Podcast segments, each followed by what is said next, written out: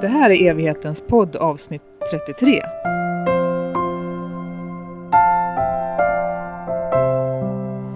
Idag handlar det om något som de flesta helst nog inte vill fundera på alls och inte förrän det är väl sent. Önskemål kring sin egen begravning. Vad kan poängen vara med att ändå göra det? Hur mycket kan man bestämma? Hur gör man det? Och vad är fördelarna för dina efterlevande? Bosse Eriksson är VD för Evigheten begravningsbyrå. Välkommen tillbaka till podden. Tack så jättemycket Johanna. Vi har bytt plats. Vad vill du säga om den här platsen? Ja, det är Rådhustorget i Östhammar där vi också har ett väldigt fint kontor som ligger precis i hörnet av det. Drottninggatan och Rådhusgatan. Så nu idag när solen strålar så sitter vi ute vid Rådhustorget. Första utomhusinspelningen så att du kanske hör lite bilar i bakgrunden. Ett stenkast från havet. Bosse, varför ska man behöva tänka på sin egen begravning när man lever? Jag tror att i dagens samhälle så kräver vi kontroll. Och vi kräver kontroll över våran almanacka och våran mail sorterar vi kors och tvärs. Bara för att ha kontrollen. Och vill man ha kontroll även efter att man har somnat in så skriver man sina önskemål. Men kan det vara till gagn för det även den som inte är en jättekontrollig människa? Ja, det är viktigt för var och en tror jag. I våran sekulariserade värld så är det ju jättemånga olika val när det gäller begravning. Om vi backar tillbaka kanske 50 år i tiden så var det väldigt enkelt egentligen. Man visste vilken kyrka man skulle vara i för där kanske man till och med var född och döpt, konfirmerad och vigd. Och där skulle givetvis begravningen vara. Nu flyttar ju folk mer och mer. Man har kanske inte rötterna kvar där man är född. Och vart ska man ha begravningen då? Ska man ha det på den nya orten? Eller vill man bli begravd i hemorten? Vart ska graven vara? Ska det vara en jordbegravning eller kremation eller minneslund eller ska det spridas för vinden? Om man inte själv har skrivit i sina önskemål så är det ju de efterlevande som, som måste ta ställning till det. Och ibland så är de oense. Och då blir det ännu mer komplicerat när det kommer in känslor i bilden. Så att önskemålen är jätteviktiga. Men betyder det att du tänker att man kan undvika konflikter? Ja, det är många människor som skriver sina testamenten om vad kvarlåtenskapen ska gå någonstans och hur man vill att den ska fördelas. Men det är ju bara kvarlåtenskapen. Man tänker inte ett steg till att om jag skriver testamente så kommer jag dö. Och då bör man ju också skriva önskemål vid livets slut. Och i och med det så kan man ju faktiskt eh, se till att det inte blir så mycket konflikter i efterhand. Då står det svart på vitt att jag vill det här. oavsett om, om jag har två barn och de anser att att de har rätt så är det ändå det jag har skrivit som gäller. Jag hade ett sånt fall för inte så länge sedan där dottern sa att eh, det skulle vara direktkremation och minneslund. Medan sonen han sa att Nej, men vi ska ha en, en begravning i kyrkan med präst och, och så.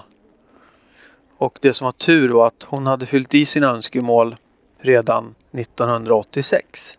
Och där stod det att hon ville ha en begravning i hennes hemkyrka. Och det gjorde ju att hennes väninnor kunde komma och lägga en ros på kistan och det blev ett väldigt fint avslut. Men hade man bara haft en direktkremation och minneslund hade det inte blivit någonting kvar av människan. Och jag tror alla människor vill bli ihågkomna på något sätt. Därför tror jag att begravningen är en viktig sak och människor har genom alla år tiotusenden haft ceremonier vid begravningar. Och det vore synd om vi slutar med det nu. Och första gången jag fyllde i mina önskemål så var jag väl 20 kanske. Det kändes konstigt och jobbigt faktiskt. Att föreställa sig själv att inte existera. Det är någonting som enligt Jung att vi, vi kan inte föreställa oss det. Så därför var det jobbigt att ställa sig själv de frågorna. Jag har fyllt i, eller fyllt reviderat mina önskemål massor med gånger efter det. För att ja, men, det här låten passade inte, ta en annan låt eller man vill ha en annan. Den prästen som skulle hålla i min begravning han, han dog här för några år sedan så jag fick ta hand om hans begravning istället. Så att man reviderar i sina önskemål men man kan se det från omvända sidan att det här är faktiskt min sista fest som jag kan planera. Det är mitt eh, sista avtryck för mig att sätta i omvärlden. Du säger ordet fest här. Jag tror att det är många som inte tänker på sin begravning eller på begravningar överhuvudtaget som någonting som har med fest att göra. Hur tänker du då? Ja, men fler och fler som faktiskt har fyllt i sina önskemål. De eh, innan pandemin och vi lever ju faktiskt fortfarande i pandemitider. Men då är det väldigt många som skriver att ja, men jag vill ha lite champagne och lite snittar. Jag vill inte ha någon sorglig begravning. Jag vill ha en, en minnesfest istället. Så att det är nog så man ska tänka på det tror jag. Det tror jag att man, alla vill ha en ljus begravning. Ingen vill ha en, en jättesvart begravning. Utan om man tänker sig själv så vill man ha ett ljust minne som man kommer ihåg. Men vad tänker du händer rent mentalt om vi ser en begravning som en sorts fest jämfört med som någonting som bara är mörkt? Ja, men då blir det ju helt annorlunda. Då blir det liksom, vi ska hylla den här människan som har levt. Och oavsett om den har levt i 40 år eller 100 år så är det värt att, att hylla den livsgärningen.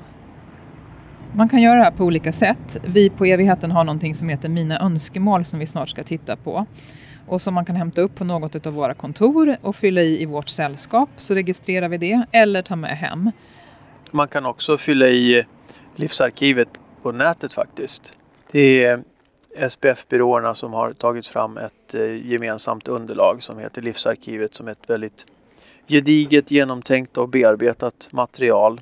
Och det kan man som sagt bara fylla i direkt på, på nätet och spara det där. Man kan också få en depå öppnad där alla viktiga dokument finns, en dokumentbevakning. Där kan man ha livsarkivet, man kan ha testamente, äktenskapsförord, fullmakter, lagfarter, allting som är digitaliserat. Då. Du pratar här om SBF-byråer, vad menas med det? Eh, de som är auktoriserade av Sveriges begravningsbyråers förbund, vilket vi är. Det vill säga om man fyller i livsarkivet så behöver man inte nödvändigtvis välja en byrå? Nej, det viktiga är att man fyller i det. Men kan man inte bara säga till sina närmast anhöriga hur man vill ha det? Vad betyder det att skriva ner det? Jo, men säg att du säger en sak till en av sönerna och han uppfattar det på ett sätt. Och så säger du precis samma sak till din andra son. Och han kommer uppfatta det på helt annat sätt. Så att det är dels därför man skriver ett testamente. Annars skulle ingen skriva ett testamente. Man vill ha det svart på vitt. Hur flitiga är vi på att fylla i ett sånt här livsarkiv? Jättedåliga faktiskt. Om man tänker på hur mycket det underlättar för de som är efterlevande så är det förvånansvärt få som skriver det. Um, somliga av oss kanske känner att det blir väl definitivt. Hur kan man tänka då? Ja, har man fyllt i ett önskemål om hur man vill ha det vid begravningen då kan man ju som, som jag sa tidigare, jag har ju gått in och reviderat det jag har skrivit flera omgångar. Så att det är inga konstigheter med det. Men vad, jag vet att man behöver ha tillgång till sitt bank-id för att fylla i det här livsarkivet. Men är det något annat som krävs för att det ska vara bindande? Vare sig man gör det på nätet eller eh, via en begravningsbyrå? Fysiskt så att säga. Nej, det är att du har fyllt i och bara skrivit under då och gärna satt datum kanske på. Men kommer man in hos oss rent fysiskt och, och sitter ner med oss och, och fyller i det, då kan ju vi göra den här depån då på dokumentbevakningen så underlättar det också. Oavsett hur man gör det här, tycker du att man ska berätta för sina anhöriga att man har gjort det? Eller inte? Jo, jag tycker man ska säga till att man har gjort det och kanske också säga att jag kommer att fylla i det här eh, önskemålen. För då kanske man får resonera lite innan om man nu vågar ta det, det beslutet och säga det innan. För då det kanske upprör ens barn att man ska fylla i det. Jag vänder mig till mig själv. Mina föräldrar har sagt det flera gånger att nu ska vi sätta oss ner och prata om hur vi ska ha vår begravning Bosse. Och rent automatiskt säger jag, vi tar det senare. Vad tror du att det handlar om? Ja, men det är det att man inte vill att de ska försvinna. Men livet har en början och ett slut. Allting tar slut. Men man kan ju säga att det viktiga är att du har gjort det och i skrift. Ja. Vare sig du väljer att prata med dina anhöriga eller kan få dem att lyssna eller inte. ja, precis. Det kanske är lättare att fylla i det och så berättar jag det för mina barn. Och de tycker något annat. Att men mamma eller pappa, jag vill faktiskt ha en ceremoni.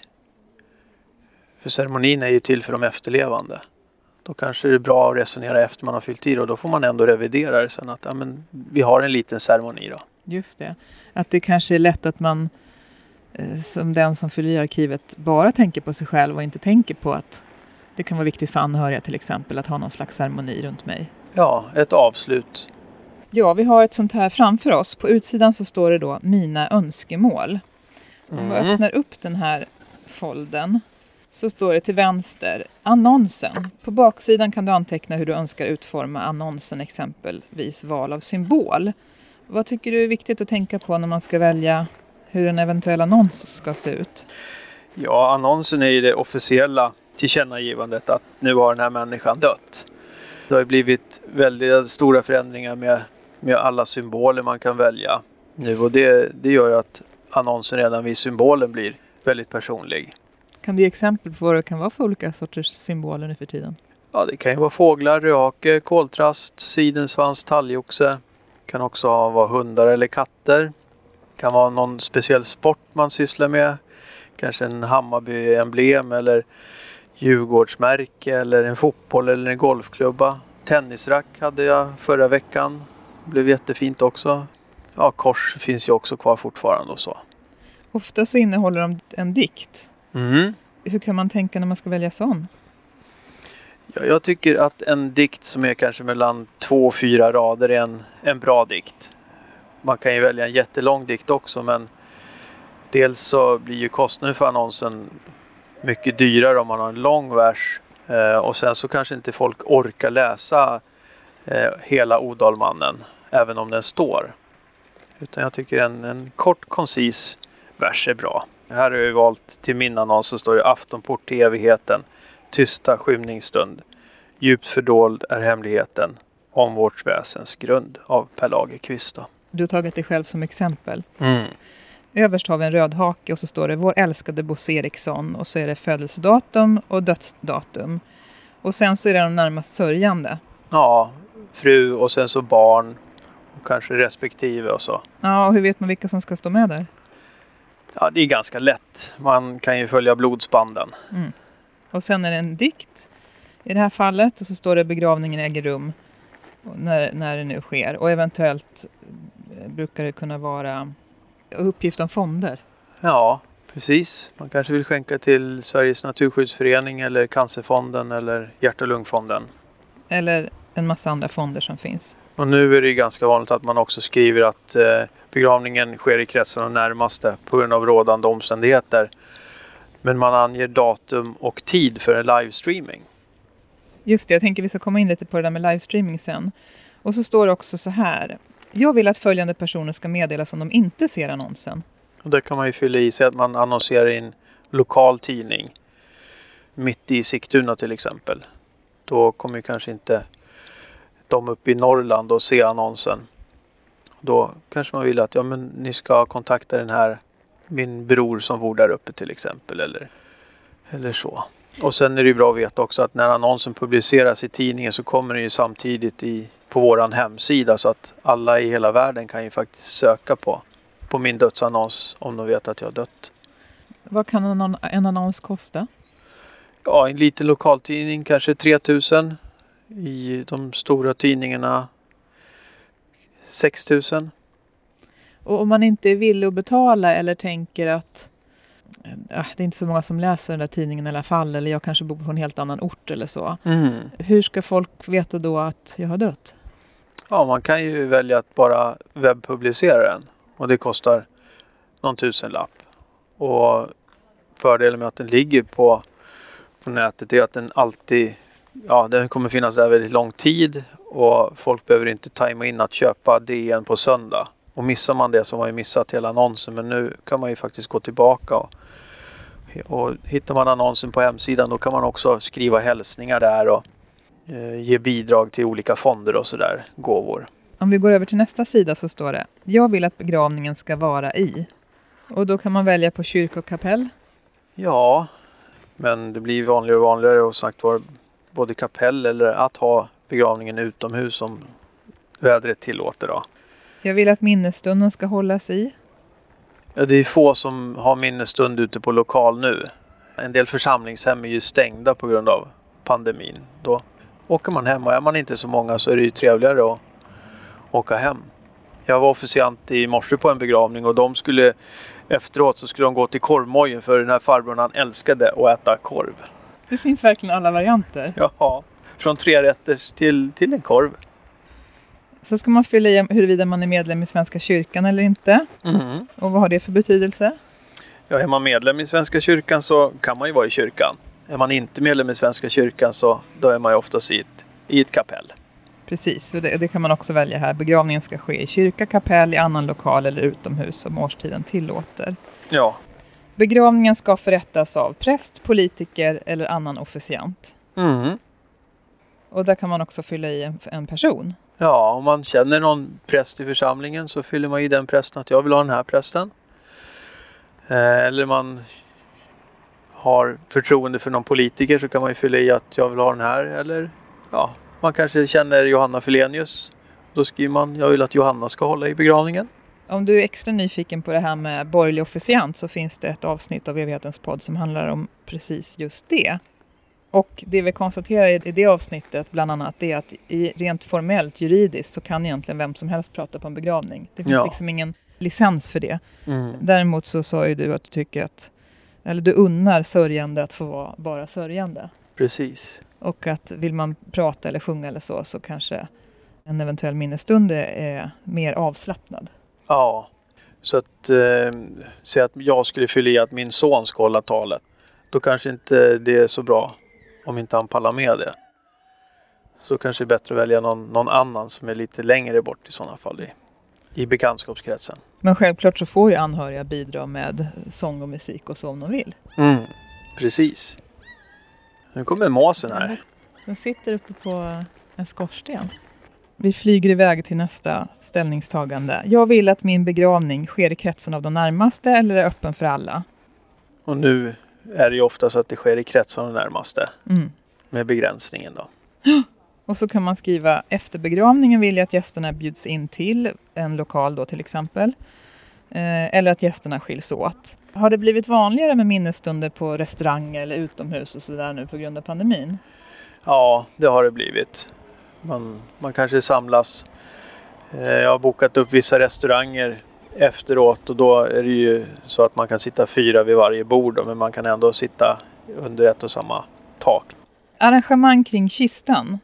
Om möjligt så vill jag att ni klär mig i. Mm. Vad brukar man kunna fylla i där? Ja, man kanske vill bli klädd i sin finkostym. Som var väldigt vanligt förr i tiden. Och nu kanske man vill bli klädd i, i sin jägaruniform eller någon annan klädsel som man känner sig bekväm med. Eller som vi också fick in i veckan här, en, en gammal dam som en gång i tiden hade sytt sin egen klänning och den skulle hon ha. Och jag tänker också att det kan ju variera beroende på att man kan ha religiösa motiv. Mm. Att ha en viss klädsel. Ja, man kanske vill ha vita svepedräkten som det symboliserar renheten och sådär. Men jag tror fler och fler väljer faktiskt eh, egna kläder. Jag vill att dessa tittar till mig i kistan. Min allra närmaste familj eller den som vill. Mm. Varför ska man fylla i det? Jo, men det kan ju vara en säkerhet för mig att men jag vet när jag dör så är det någon som kommer att titta till mig att det är faktiskt jag som ligger i den här kistan. Och jag ser ganska rofylld ut. Och det kan man ju också göra vid olika tillfällen. Antingen på en så kallad visning. Mm. Eller vid kistläggningen. Eller kanske lite före begravningen. Ja, någon timme före begravningen. Ja, det beror lite grann på vad som passar och så. Och sen så kan kistan ha olika teman. Mm. Till exempel. Ja, havet eller lite sjötema. Kanske skogstema. Skogstema är faktiskt ganska vanligt att man väljer en furukista och sen så har granris inblandat med vårblommor. Jätte, jättefina kreationer av våra florister. Och det kan ju vara så att man vill ställa dit ett fotografi eller någon ljusstake eller, eller en keps Och ryggsäck som jag hade förra veckan. Då tog de med en jägarryggsäcken och jägarkepsen som stod nedanför kistan som var pricken över i på den dekorationen liksom. Så där kan man skriva om man vill att det ska vara något särskilt, särskild dekoration. Mm. Så kan man välja färg på kistan och material. Vad är det vanligaste? Det är nog vit eller vanlig furufärgad. Naturligt. Och sen kan man välja om man vill att kistan ska dekoreras med blommor eller bårtäcke, vad är det?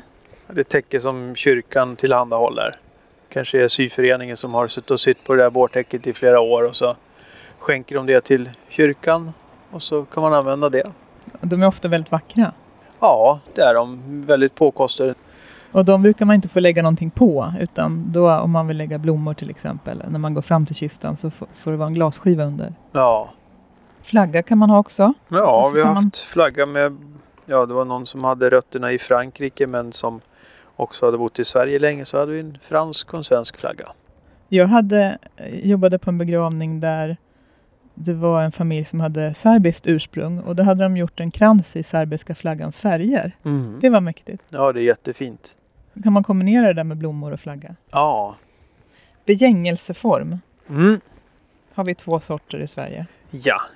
Jordbegängelse och kremering eller eldbegängelse. Jordbegravning eller kremation. Jordbegravning det handlar om att kistan grävs ner men kremering finns, eh, det finns olika sista vilor. Ja, om det är kremation så kan man välja om man vill ha en urngrav eller om man vill ha en askgrav eller en minneslund eller om man vill spridas till sjöss. Ny grav eller befintlig grav. Mm. Det kan ju vara så att det finns en gammal familjegrav på kyrkogården som man kan använda. En del gravar de kan man lägga tre kister i till exempel. Och en del gravar där kan man till exempel lägga 15 urnor. Det finns väldigt stora eh, urnischer också där man kan förvara många urnor och sådär. Men som jag förstår det så kan jag inte nu gå in och boka en gravplats för mig själv bara. Nej, man kan inte förköpa en grav. Det kunde man förut. Jag tror att de slutade med det de flesta för 20 år sedan, kanske tidigare ändå. Då insåg man att man, man kunde inte förköpa gravar. För att Ja, man tog väl yta i anspråk och säga att man hade köpt en gravplats och sen så flyttar man vidare till någon annan ort och kanske blir gravsatt där. Då stod ju faktiskt graven på någon helt annan som kanske inte skulle använda den ens då. Och så står det urnan. Jag önskar att min aska ska läggas i en urna av. Och så finns det olika alternativ där. Mm, bark, trä, plåt, keramik, wellpapp, Vad är det mest miljövänliga? eh, jordbegravning. Men i form av urna. Om man väljer en urna. Ja, det är väl trä, bark eller eh, majsstärkelse. Den, de tre ligger väldigt nära naturen. Gravsättning. Jag vill att min aska ska. Mm, gravsättas i grav, gravsättas i askgravlund, spridas i minneslund eller spridas i och sen så om det är till sjöss. På vissa ställen kan man också ansöka om att få spridas ovan jord då. Men det är ganska ovanligt att man får OK på det. Ja, det är ganska ovanligt precis. Mm. Men det kan vara i både hav och sjö Ja. när det gäller vatten. Mm. Vid min död. Om jag dör i hemmet så vill jag föras till sjukhus eller föras till bisättningslokal på orten. Hur tänker du att man skulle kunna tänka olika kring det? Jo, förut då så om man dog utanför sjukhusets lokal så blev det ju obduktion på nästan alla. Eh, nu har ju det blivit mycket, mycket färre obduktioner. Så säg att jag har haft cancer i x antal månader eller x antal år och så dör jag i cancern så är det inte nödvändigtvis så att det blir obduktion även om jag dör hemma. Och då har man valmöjligheten att, att kistläggas hemma och att föras direkt till bisättningslokalen då, som, som finns på orten. Är enda skälet till obduktion idag att man misstänker brott? Nej, det kan ju vara en klinisk obduktion och då vill man ju undersöka själva cancerförloppet då till exempel. Men en klinisk obduktion kan de anhöriga motsätta sig. Men då har den egentligen forskningssyfte eller vad? Ja, Man kan välja det, alltså vilken inställning man har. Efter min död vill jag att min kropp obduceras, mm. används till organdonation, används i forskning och medicinstudier, balsameras eller inget av ovanstående. Balsamering, har du varit med om det någon gång? Ja, det var också förut så balsamerades det väldigt ofta. Nu är det färre och färre som balsameras. Man byter då ut blodet mot formalin för att eh, processen ska stanna av. Då. Man kan fylla i av pacemaker. Varför är det viktigt? Ja, det är viktigt om det är kremation. Då bör pacemakern tas ut. Och så står det här. Jag vill också berätta att jag har vad då? Framtidsfullmakt, testamente, äktenskapsförord, försäkring, bankkonto, bankfack eller övrigt. Och är du mer nyfiken på den juridiska delen så kan du lyssna på tidigare avsnitt med Daniel Blomqvist som är jurist.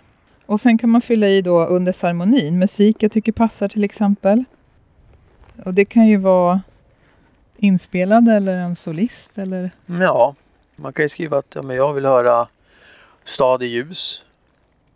Och finns det någon solist som kan framföra den bra så skulle jag nog föredra en solist. Men i vissa fall så kan man ju spela inspelad musik också. Psalmer eller unison sång, allsång? Ja, gemensam sång. Hur vanligt är det?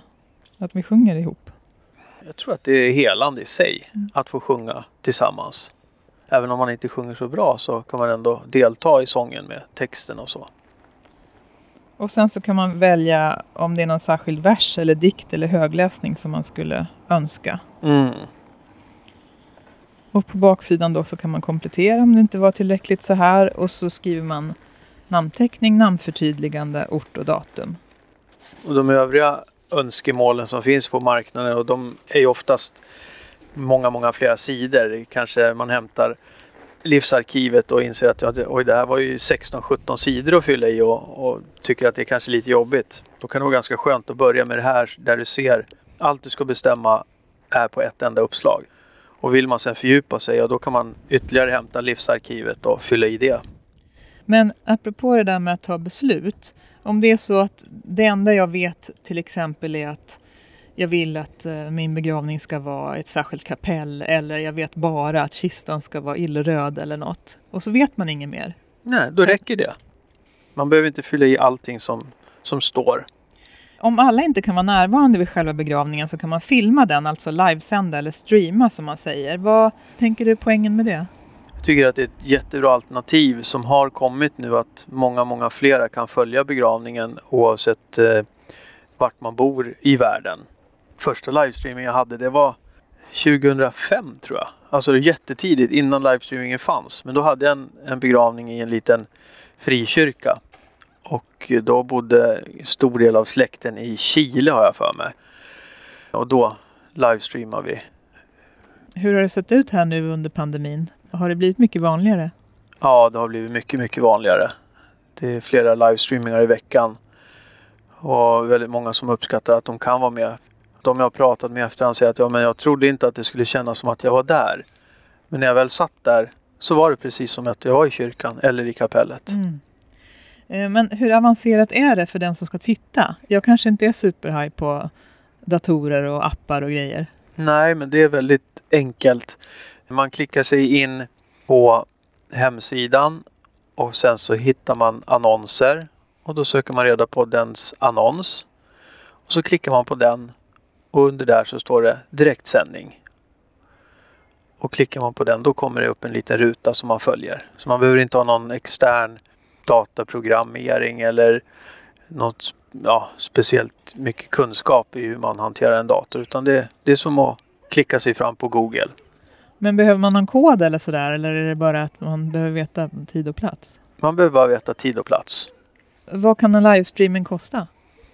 Ja, den kan kosta allt ifrån säg 3000 kronor upp till 20 000 kronor. Man kan ju boka upp en projektteam liksom som bara sysslar med, med att filma konferenser och, och så. Och då kommer de behöva mycket lång tid för att ställa in alla grejerna och dra alla kablar och så här. Och det är det som gör att det kostar upp till 20 000 då. Men vi eh, filmar med mobiltelefon och det vet jag att en del andra byråer också gör. Ja. ja. Hur funkar det med kvaliteten? Jag tycker kvaliteten är bra när man följer livestreamen. Och sen om man ska ha videon i efterhand.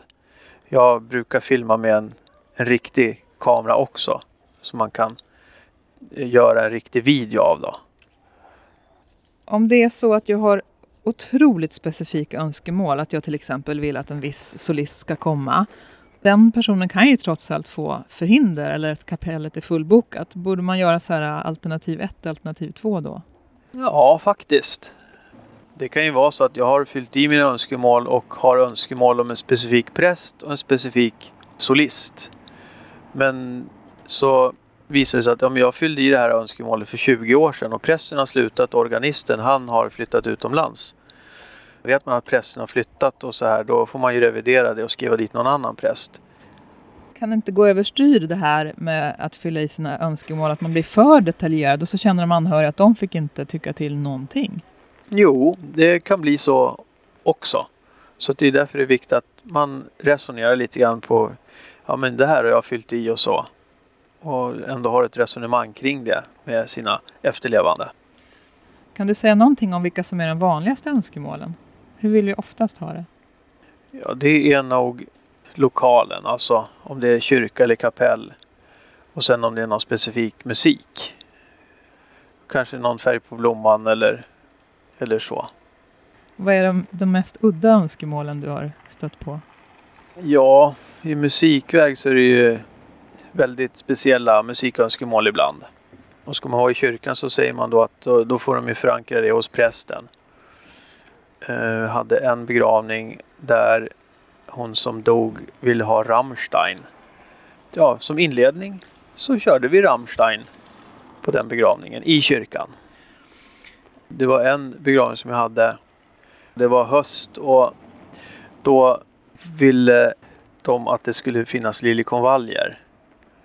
Och liljekonvaljer på hösten är inte lätt att få fram, inte ens ifrån Holland. Men jag pratade med våran florist och hon sa att jag ska försöka göra det jag kan göra. Och det var jordbegravning. Och eh, när jag kom till begravningen en timme innan den skulle börja så hade det inte kommit några liljekonvaljer. Och jag höll kontakten med floristen. Hon sa att ja men de är på väg ifrån Holland. Men jag tänkte det löser sig. Anhöriga kom och jag sa att ja, men vi, jag kommer med handblommorna när, när vi ska gå ut ifrån kyrkan för då skulle de lägga blommorna i graven då. Och när begravningen har börjat så ringer jag floristen igen och hon hör att eh, de har faktiskt landat på Arlanda nu. Så att jag skickar dit en av mina eh, bärarkillar som åker till Arlanda, kvitterar ut liljekonvaljerna och kommer till kyrkan. Jag hinner knyta ihop dem precis innan kistan ska bäras ut och vi ska ha gravsättning. Så de får dem i handen precis som att det var uträknat. Fick de anhöriga någonsin veta om det här? Nej, vi löser problem. Om jag har fyllt i sådana här önskemål eller i livsarkivet då och inte har berättat det för mina anhöriga, hur får de veta att jag har gjort det efter att jag har gått bort? Man ska lägga sina önskemål på ett ställe som inte är ett kassaskåp. Så att det är lätt åtkomligt bland sina andra papper. Det är bra att säga vart man förvarar det till, till de efterlevande att jag, jag har fyllt i mina önskemål och jag har dem i den här lådan. Man kan ju till och med hänga upp det på kylskåpet. Då blir det oftast en diskussion kring det. Eh, man kan också be begravningsbyrån att ta en kopia på det och även lägga in det digitalt. Men du, det här vi pratar om nu, blir det inte lite väl mycket snack och prata om sin egen död? Jo, men man behöver bara göra det en gång.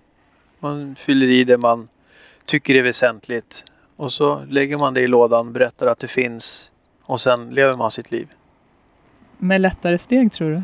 Mycket lättare, för som sagt var, vi människor är kontrollfreaks. Och kan vi kontrollera även det som händer efter vår egen död så tror jag att vi kan verkligen släppa det och, och leva.